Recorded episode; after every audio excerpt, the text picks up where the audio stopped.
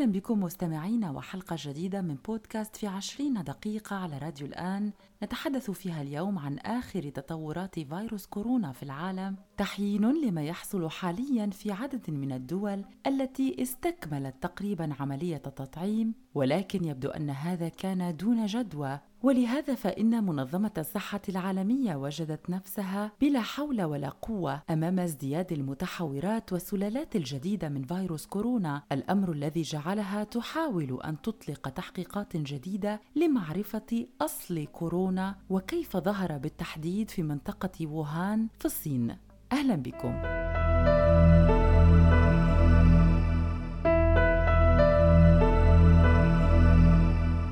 يبدو أن فيروس كورونا قد قرر بأن لا يترك هذا العالم إلا بعد أن يقضي تقريبا على نصف متساكنيه، فالأمر المحزن خاصة هذه الأيام هو بداية موجة جديدة من الفيروس ومن العدوى تنتشر في بلدان توشك على إنهاء حملات التطعيم فيها، حملات لقاح كانت ناجحة جدا، تم تعميم اللقاح فيها على الجميع حتى يشمل حتى الحيوانات.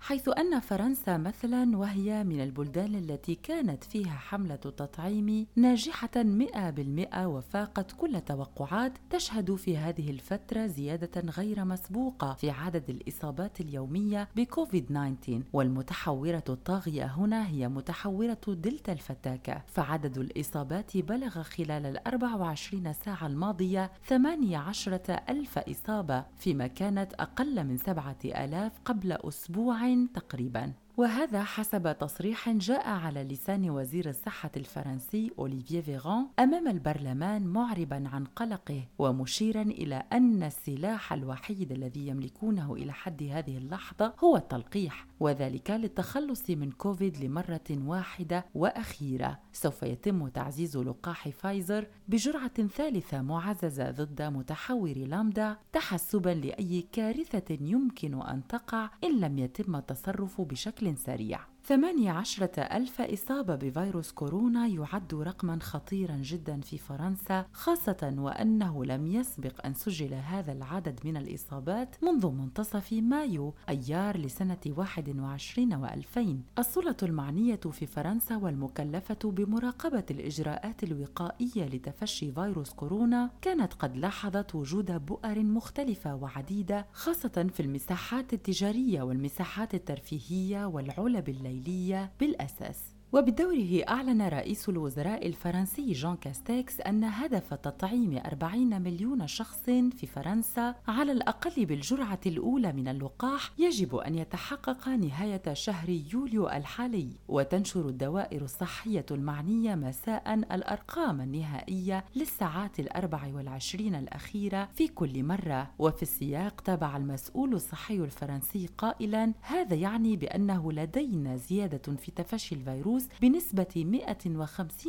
150% على مدى أسبوع. لم يسبق أن شهدنا هذا الأمر من قبل لا مع كوفيد 19 في نسخته الأولى ولا مع المتحورة البريطانية ولا مع الجنوب أفريقية ولا مع البرازيلية. الإصابات في فرنسا طالت حاليا الجيل الشاب وتخشى الحكومة الفرنسية أن يتسع انتشار هذا الفيروس لدى قاعدة المسنين فيها والأفراد الضعفاء خاصة غير الملقحين منهم ما يعني ارتفاع عدد الحالات التي تتطلب عناية في المستشفى وأسرة إنعاش بالآلاف. ومن الأكيد كذلك أن تداعيات فيروس كورونا وانتشاره الشديد بفرنسا في متحورته دلتا سوف يؤدي بالتأكيد إلى غلق جديد شامل في البلاد فلا مدارس ولا معاهد والتنقل كالعادة سيكون فقط للتزود بالحاجيات الأساسية للحياة اليومية فيها.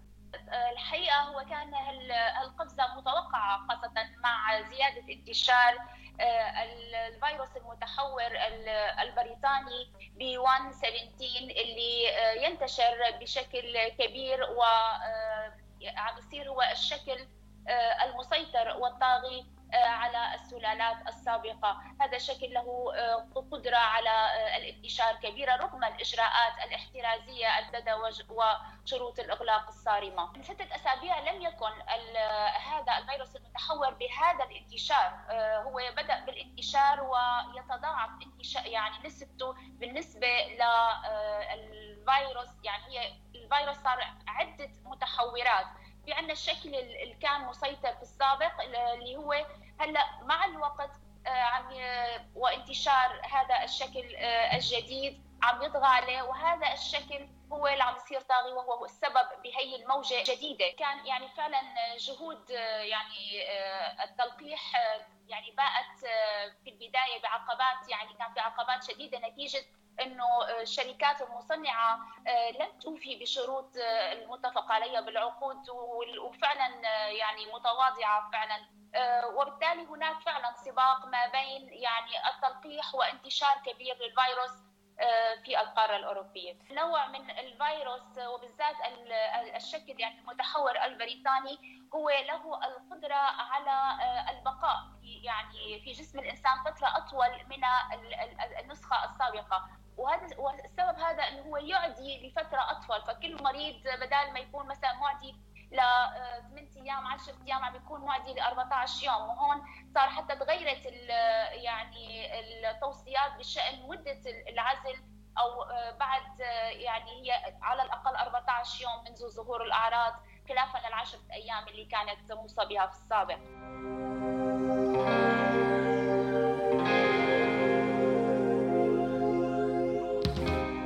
منظمة الصحة العالمية وبسبب التخوف الجديد من موجات أخرى لعدوى فيروس كورونا أعلنت عن تشكيل مجموعات عمل دائمة للبحث عن منشأ ومصدر فيروس كورونا في العالم. وشدد تدروس أدهانوم جبريسوس الأمين العام للمنظمة في جنيف يوم الجمعة الفارط أنه بجانب فحص الحياة البرية والأسواق الرطبة للحيوانات في إقليم ووهان الصيني الذي ظهر به الفيروس لأول مرة سنة 19 و2000 يجب أن يتم فيه فحص المختبرات كذلك وذلك وفقا لوكالة Associated Press. الفريق الذي تم تكليفه من قبل منظمة الصحة العالمية للعمل على البحث في أصل كورونا أفاد في نهاية مارس آذار الحالي بأنه من المرجح أو من المرجح للغاية أن يكون الفيروس قد انتشر من حيوان إلى إنسان عبر عائل وسيط وأن هذا متعمد مئة بالمئة. أما الحقيقة التي لم يرجحها هذا الفريق فهي أن يكون الفيروس قد تسرب بصورة غير متعمدة من أحد المختبرات وأنه فيروس طبيعي لم يتعرض لأي تغيير. وتروج السلطات الصينية لنظريات عن أن الفيروس ربما يكون قد دخل الصين عبر أغذية مجمدة قادمة من الخارج وبالتحديد من الولايات المتحدة الأمريكية مثلا. في حين اتهمت الولايات المتحدة بكين بمنع إجراء تحليل شفاف على كل ما يمكن أن يصدر عن هذا المخبر الشهير في منطقة ووهان الصينية. الرئيس الأمريكي جو بايدن قال في نهاية مايو أيار الحالي إن بعض أوساط الأجهزة الاستخباراتية الأمريكية تعتبر أن هذا الأمر ممكن للغاية وأصدر بايدن أمرا بإجراء المزيد من التحقيقات حول هذا الشأن. ومن المقرر أن تقدم الاستخبارات الأمريكية تقريرا مفصلا بالأرقام والحقائق بنهاية أغسطس الحالي. لن تمر إصابة أكثر من 168 مليون إنسان ووفاة أكثر من ثلاثة ملايين ونصف المليون آخرين بفيروس كورونا مرور الكرام. لأن الرئيس الأمريكي جو بايدن طالب الاستخبارات الأمريكية أن تقدم له تقريرا خلال 90 يوم حول أصل فيروس كورونا. الصين غضبت وحذرت من تسييس الأمر. هل سنصل إلى إجابات حول أصل فيروس كورونا؟ هل خرج من مختبر؟ أم وصل من الحيوان إلى الإنسان؟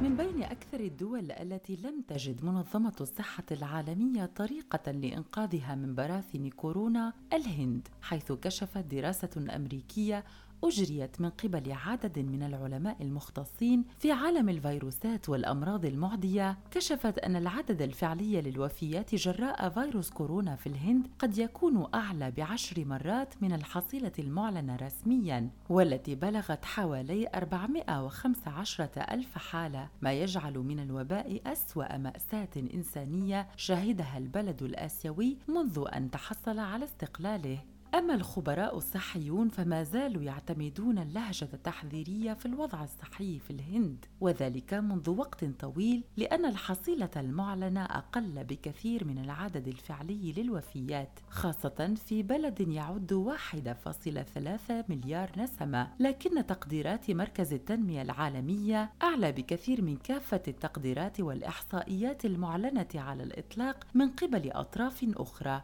إذ أن مركز التنمية العالمية يأخذ بعين الاعتبار الطفرة الوبائية المأساوية التي حصلت في نيسان أبريل الماضي وأيار مايو الماضي في الهند بسبب النسخة المتحورة من فيروس كورونا دلتا شديدة العدوى. وما أكدته الدراسة منطقي جدا بما أنها امتدت منذ بدء تفشي الوباء العام الماضي وحتى حزيران يونيو من هذا العام. وقالت الدراسة إن بين 3.4 و 4.7 مليون شخص قد لقوا حتفهم جراء فيروس كورونا في الهند في الفترة المذكورة. وقد أكد الباحثون حول العالم وأجمعوا على أن الحصيلة الحقيقية للوفيات تصل على الأرجح للملايين في الهند والعدد الذي تم تداوله في وسائل الإعلام المختلفة حول العالم لا يستقيم. فمئات الآلاف من حالات الوفاة لا تعد معلومة صحيحة. الرقم المرعب للوفيات في الهند هو موجود على لائحة الأسباب التي دفعت منظمة الصحة العالمية لاتخاذ قرارها بإنشاء فرق تحقيقات لمعرفة أصل هذه الجريمة النكراء. التي اقترفت في حق الإنسانية جمعاء فمنظمة الصحة العالمية على ألسنة مسؤوليها أكدت في أكثر من مناسبة ولأكثر من وسيلة إعلام في العالم أن هذا الوباء ليس وباء سيستمر على خمس أو عشر سنين ولكنه سيدوم أكثر من ذلك بكثير.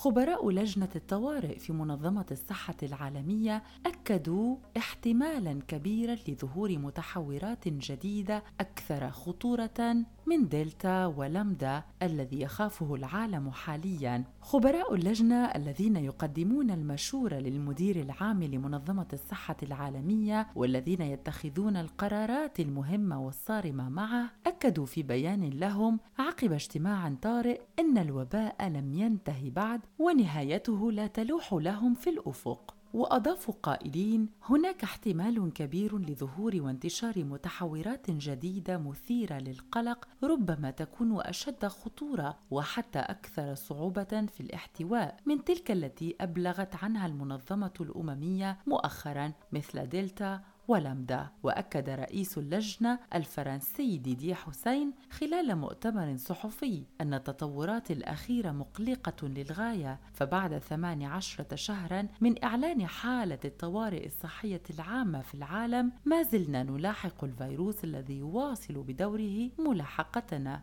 المنظمة أبلغت حتى الآن عن أربع متحورات مثيرة جدا للقلق وهي ألفا وبيتا وجاما ودلتا والمتحورة الأخيرة هي لامدا. أما دلتا التي رصدت أول مرة في الهند فهي بصدد مواصلة فتكها بالبشر. وفيروس بهذه القوة وبهذه القدرة على التغير من يوم إلى آخر لخلق نسخ جديدة منه كل منها أشد خطورة من سابقتها. لا يمكن أن يكون محض صدفة ولا يمكن أن يكون فيروسا طبيعيا. لذلك فإن منظمة الصحة العالمية تشدد على فكرة انتهاج سبيل التحقيق لمعرفة الحقيقة. ويبدو أن موقف منظمة الصحة العالمية لا يشابه تماما موقف الوكالة الأوروبية للأدوية التي أكدت أنه في القريب العاجل من الممكن للعالم أن يستغني تماما عن الكمامة بما أنها تملك ثقة كبيرة باللقاحات المتواجدة على الأسواق وبقدرتها على محاربة المتحورات المختلفة من فيروس كورونا.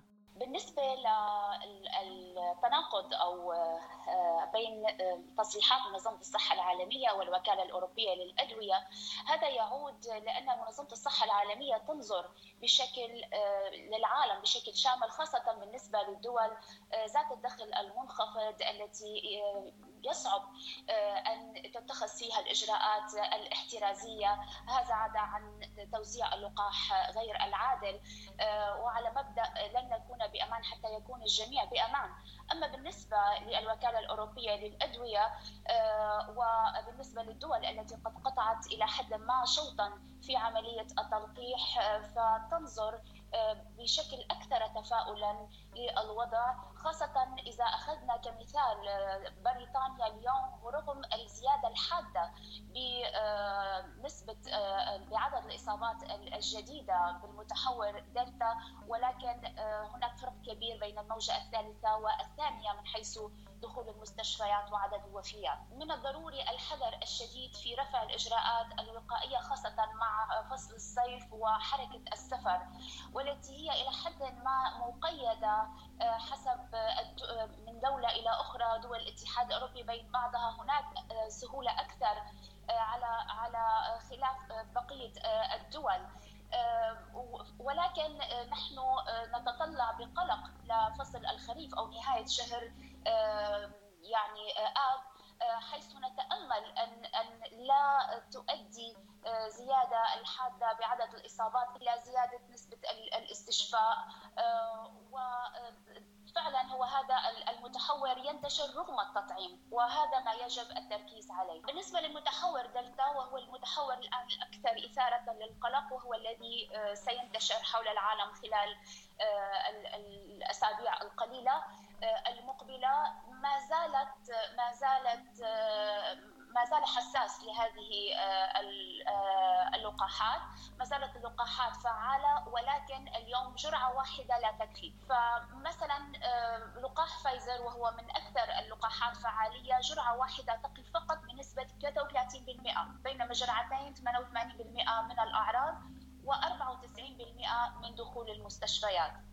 كل اللقاحات ما إذا إذا أعطيت بالجرعه الجرعتين ما زالت ما زالت فعالة في منع الحالات الشديدة آه، ودخول المستشفى.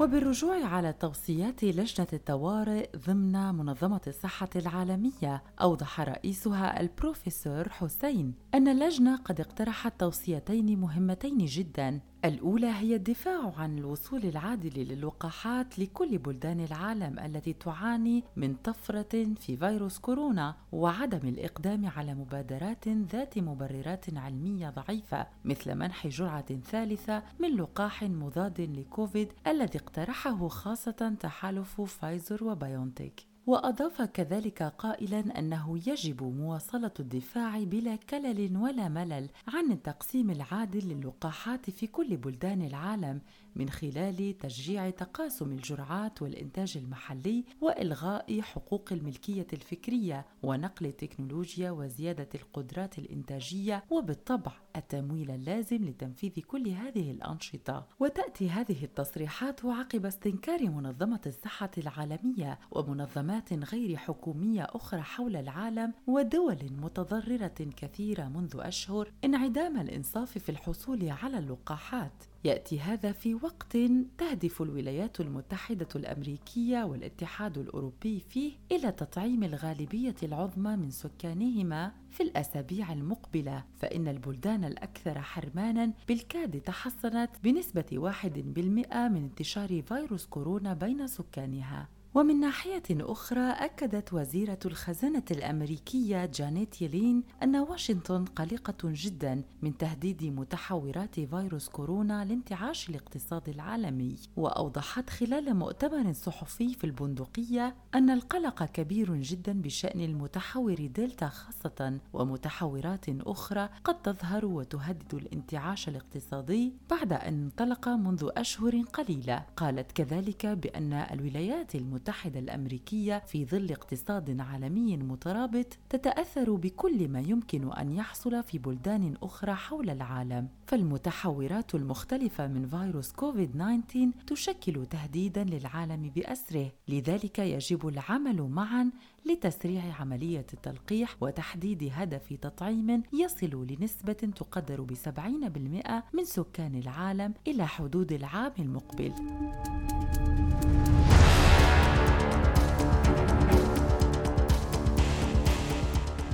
كانت هذه حلقتنا لهذا اليوم من بودكاست في عشرين دقيقة على راديو الآن. فما رأيكم أنتم مستمعين في قرار منظمة الصحة العالمية حول فتح تحقيق لمعرفة المصدر الحقيقي والأول لانتشار فيروس كورونا في العالم وأصل الحالة الأولى التي ظهرت في ووهان؟ هل ترون بأن هذا ممكن أم أنه أمر صعب المنال؟